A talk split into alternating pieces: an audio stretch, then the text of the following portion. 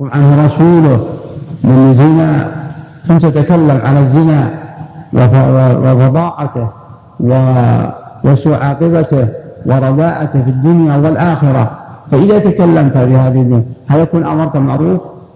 نعم أمرت معروف ونهيت عن منكر لكن إذا كنت خطيب ما أكثر الزنا وما أكثر المتبرجات في الأسواق العدو يفرح يرقص جاب الله من يشهد على مسلمين هم تحللوا لأن هناك ناس يرقبون يبون يريدون من مجتمعنا أن يتحلل. نسأل الله أن يحماه بسلامة حماته بسلامة حماته ومن الحكام نسأل الله ثبتنا وإياهم. جعلنا وإياهم من المتعاونين جعلنا وإياكم من المتعاونين معهم على البر والتقوى. إن الله يرزقهم الإقامة الصالحة. إن الله يؤثرهم ولا يؤثر عليهم. هكذا الاجتماع. وأن الله يزيدهم ولا ينقصهم. وبهذا يتكاتف المجتمع. صحيح. فإذا فعلنا هذا سنة دعاة إلى الله. وبينا حكم المنكر. المنكر بين حكمه أيها الداعية. ما لا تفهم لا تفهمون الغلط. المنكر بين حكمه. بين حكم الزنا. وجب الأدلة ولا تقربوا الزنا. لكن ما أبدا مكبر شوي. أبدا مكبر ما أبدا مكبر شوي. يقول نقرب شوي. وش إيش السمع موجود أحسن موجود ترى يا أخوان صوت المكبر في الصلاة وفي العلم ما هو بيجوده. ولا هو مرغوب عند العلماء. هو مرغوب عند العلماء رفع الصوت في المساجد. بل منهي عنه. وأما من آه مثل اتخاذ الصدى الآن ما كفت المكبرات الله من علينا على مدى الذين شكروا النعمة. بعضهم راح يزيد ويجيب هذه الصدى اللي ترد الصوت. كأنه إنسانين كأنه رجالين يتكلمون. غلط هذا. ما يصلح. يكبر قدر الحاجة هو لتكبير الصوت. هذا المعروف كل ما سجر عاد يسوي. كل ما ارتفع الصوت سيزيد, سيزيد المسجد صدى.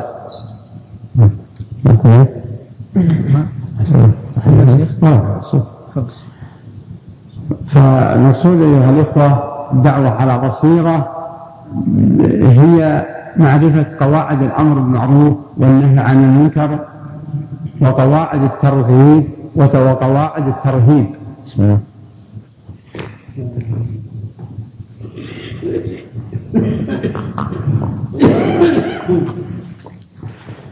سمعنا الآية في العلم اسمعوا آية الدعوة. أول آية نزلت على الرسول عليه الصلاة والسلام تأمره بالدعوة. ماذا قال له الرب جل جلاله؟ يا أيها المدثر. المدثر هو الرسول عليه وسلم شاف جبريل آه، دخله الرعب وتخوف ورجع لأهله يقول دثروني دثروني. فجاء الوحي يا أيها المدثر قم فأنذر. هذا هو الدعوة. لماذا ما نقتدي إحنا بالآيات؟ قم فأنذر. أنذر وش عن الشرك. أنذر عن الشرك. بمعنى أيها الناس اعبدوا الله وحده. لا تشركوا به شيئا. ثم بين سوء عاقبة الشرك في الدنيا والآخرة. ثم بين ما سبب النهي عن الشرك. قم فأنذر وربك فكبر. عظم ربك. ربك فكبر. عظمه بالتوحيد. عظمه لا إله إلا الله. وثيابك فطهر. فقوله قم فأنذر أي أنذر عن الشرك. وقوله وربك فكبر عظم الله في التوحيد. وهاتين وهاتان الآيتان هما معنى لا إله إلا الله. فقوله لا إله أنذر وقولوا إلا الله فكبر. فجمعت هاتين الكلمتان هاتان الكلمتان معنى لا إله إلا الله. فدل على أنها أول دعوة من الرسول عليه الصلاة والسلام. إلى حق الله وعبادته وتوحيده قم فأنذر وربك فكبر وثيابك فطهر. فسرت بالأعمال وفسرت بالثياب الحقيقية طهرها عن النجاسات. أي كما أمرت أن تطهر قلبك من النجاسات الحسية فطهر ثيابك من النجاسات المعنوية. اعتبروا بطريقة الدعوة من القرآن. وثيابك فطهر والرجز فاهجر. اهجر الأصنام. اهجر ما يعبد من دون الله. ولا تمن تستكثر. لا تستكثر عملك. وتقول أنا داعية. أنا والله كلها بيدعو وأنا دعوت في المسجد الفلاني وأنا سويت المسجد الفلاني وأنا درست وأنا سويت وأنا لا. مهما عملت من الخير احذر أن تتمنى أن أن تمتن به على الله. فتكون دعوك على بصيرة. الدعوة على الدعوة على بصيرة على علم. أما إذا دعوت على غير علم فسيؤول بك إلى الامتنان امتنان على الله وهذا بلاء ثانيا إذا منيت بدعوتك فعظمت نفسك فلربما جارت بك إلى ما لا ينبغي. ثالثا قد تجهل فتدعو إلى ضلال فتضل فتضل وتضل غيرك لهذا قال الله تعالى على بصيرة وإذا كان ما عندك علم اسكت اسكت. ما مثله من كان يؤمن بالله واليوم الآخر فليقل خيرا أو ليصمت. فيجيك من يجيك أعوذ بالله هالمنكرات هالكذب هالشوش ولا تكلمون ولا تقولون شيء. كذا يا أخي أنا عندك ولا يتكلم.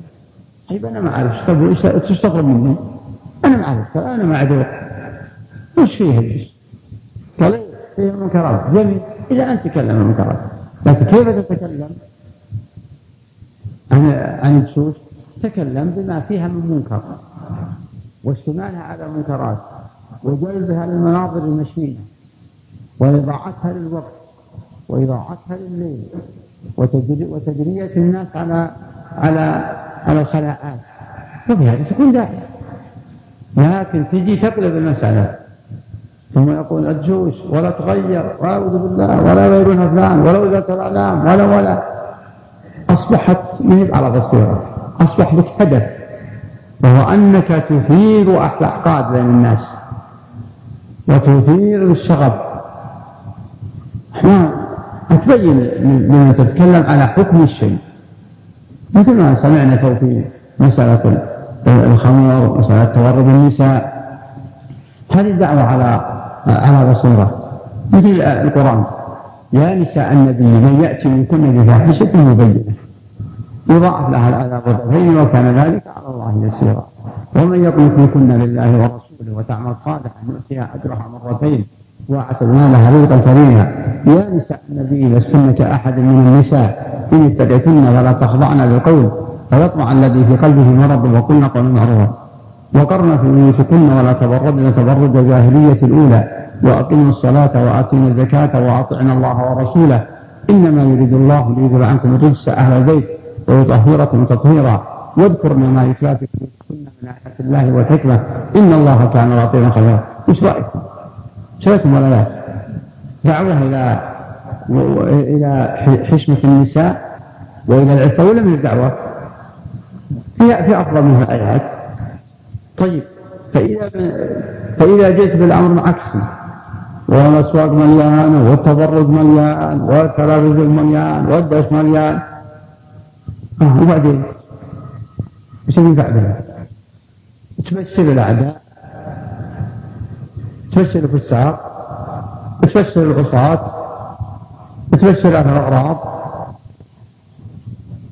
تبين ادعو لعفة كأي امرأة وأي عاقل يسمعك تتلو هذه الآيات فإنك تدعو للحشمة والحشمة تنافي هذه النعم. إذا هذه الدعوة. غير الدعوة شيء؟ طيب جيب الآيات الأخرى. كل المؤمنين يغضوا من أبصارهم ويحفظوا فروجهم ذلك أزكى أن الله خبير بما يصنعون.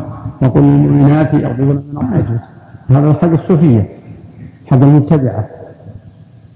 حق المبتدعة أنا ناسيك الناشد ما هي الدعوة. الناشد الصويتات ما مثلها غنى غنى مزين لا سيما مع مع الدخول مع الموسيقى ويزين هذا مصلى لأجل استغار الأحداث الأسنان التي تصغي قلوبهم. يعني مبدأه يدخله الجهال ويجذب يجذب الجهل من أحداث الأسنان وصغار السن. يجذبها مرة للنساء ولضعاف العقول. أما الرجال العقلاء ما النشيد وهذا من ترنمات الصوفية. كان يذكر أن أحد العلماء دخل مسجد عنده مناشيد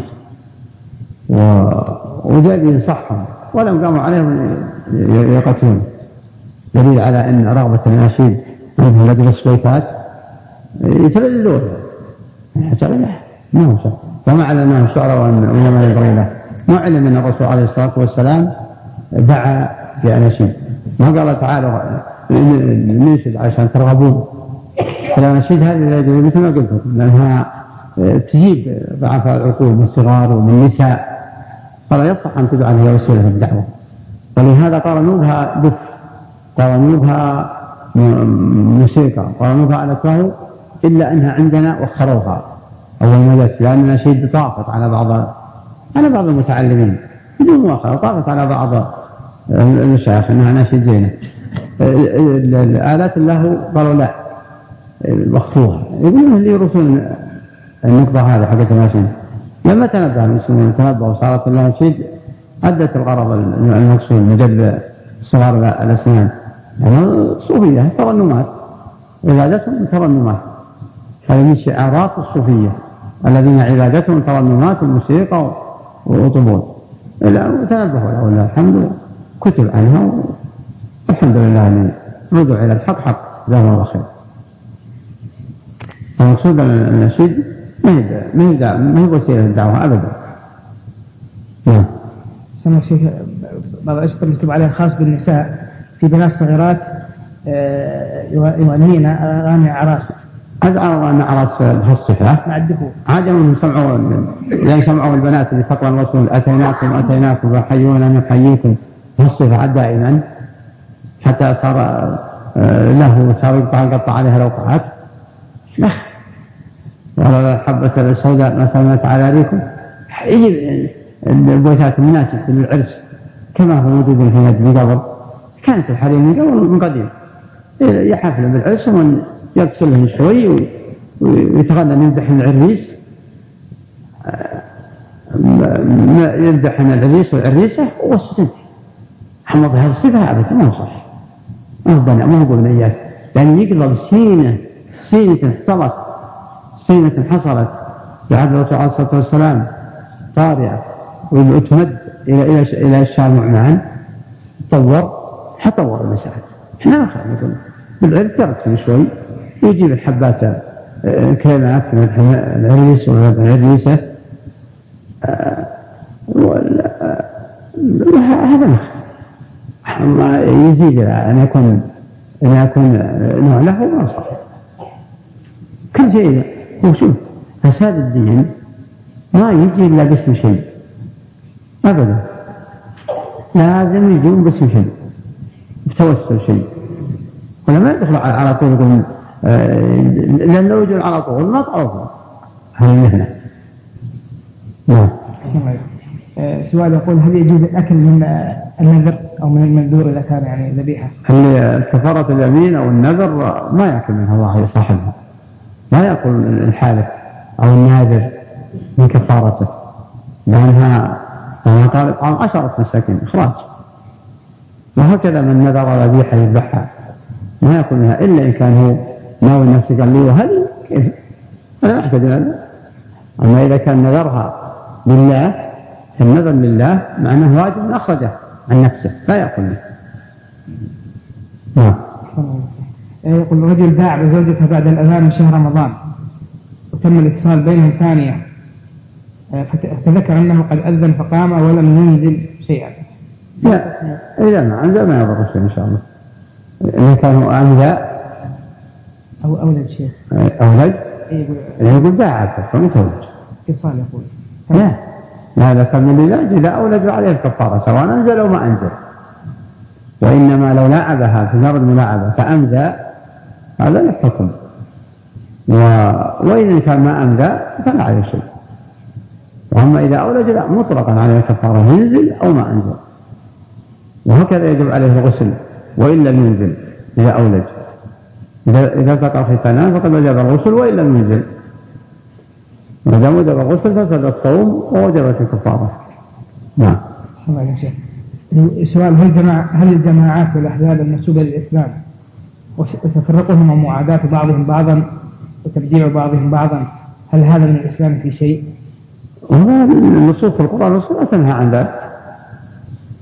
واعتصموا بحبل الله جميعا ولا تفرقوا. ولا تفرقوا. فإذا كانت في هذه الصفة أصبحت للهداية أصبحت للدعوة أصبحت اتصال للنفس وللمبدأ. وللمبدأ. يعني من قديم الزمان من حيث التوحيد الصحيح لا في خلاف ومن حيث الفقهيات فهو بضبط الفقهيات إلا إذا اتخذ خلاف الفقهيات كمبدأ له ليدعو على نفسه أو ليشوش على الناس هذا لا على الحاكم يمنعه.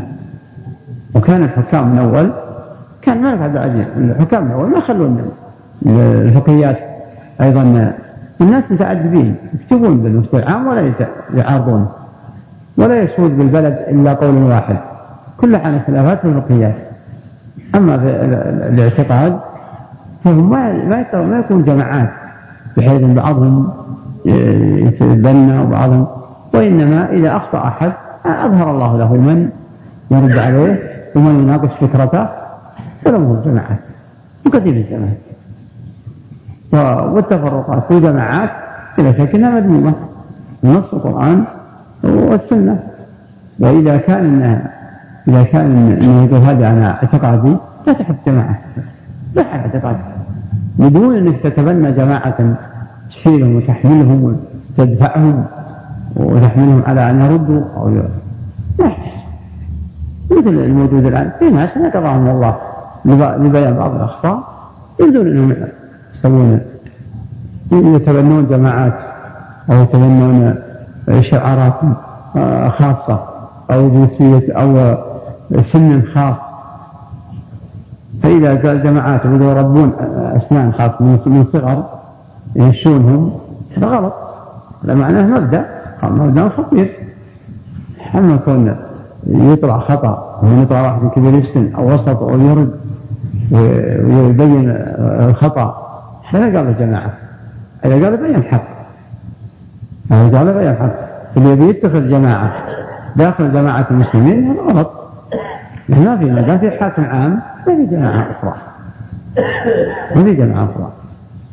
وما حصل في في الموجود الآن في بعض المجتمعات الإسلامية بلا شك أنها آه، خطأ اتخاذ الجماعات. وقد عزوه لا تسافل جزاهم الله خير الحكام. والأمر أنه ما يترك. كل ما تبني جماعة خصوصا في البلدان معلن فيها توحيد العبادة ومعلن فيها شعائر الإسلام الخمس الضرورية الخمس شو داعي الجماعات الحاصل أن أن الجماعة واحدة ولا يصح أن يخلق فيها جماعة. وأما إذا وجد غلطة من أحد يطلع واحد من طالب علم وبين الخطأ لتأثير ما حصل كون معها الشيء اللي حصل. هذا أو هذا المتبنى حصل. وهذا رد. حتى لا يتأثر به. وبين الحق. لا. إذا كان قصد بيان الحق.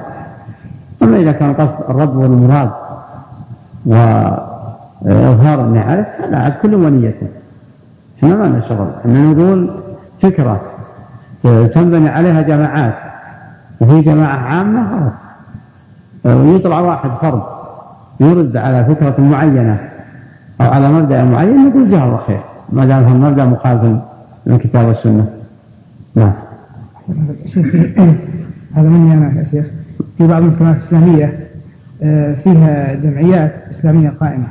بعض الجمعيات تنشر المنهج التصوف. بعض الجمعيات تنشر منهج الرافضة مثلا. وفي المقابل قاموا ناس يعني ينشرون منهج السلف. قال لا نستطيع أن ننطلق بالدعوة في هذه المجتمعات إلا عن طريق جمعيات. الحكومة تمنعنا من الدعوة وعمل الدعوة إلا بإقامة جمعية رسمية تقرها الحكومة جمعية إسلامية. إذا قررت الحكومة ما نقول جمعية. إيه. إذا قررت الحكومة نقول هذا هذا بإذن الحاكم. إيه. هذا ما نسميها جمعية. أما إيش تكون جمعية؟ هذا والحاكم ما ما رضي هذا ما يصلح. ولا ولا له حق ولو انهم يردون على نصين لانها كل الذي يمشي الذي يمشي هو تجي تأتي الاحزاب وتأتي التعصبات فإذا قدر إن الحاكم قال أجيب عنه الشبهه هل قاموا أو وش حكمهم يقوم عليه؟ ثم ما ما يخرجوا عن الجماعة هذا تحت الجماعة العامة. فهمت هذا؟ فالمحذور أن ينشئه جماعة مقابلة. هذا نقول له إذا قال لا فكرة نقول اكتب كتابة علمية. في المنفرد وأما أن تنشئ جماعة ومصادمة من مجتمع واحد فلا تفرق. تفرق. وشاق الحاكم وتنهي عن ذلك. عن ذلك. إذا كان بإذن الحاكم شيخ يجوز يعني الحاكم أصلا ما يسميه جماعة الحاكم. جمعيه مثل جمعيه ولا جمعية ولا شيء ولا يسميه الحاكم. هذا شيء أمر به الحاكم. للمصلحة العامة. نعم. يكون أن شبهه أجيب عنها.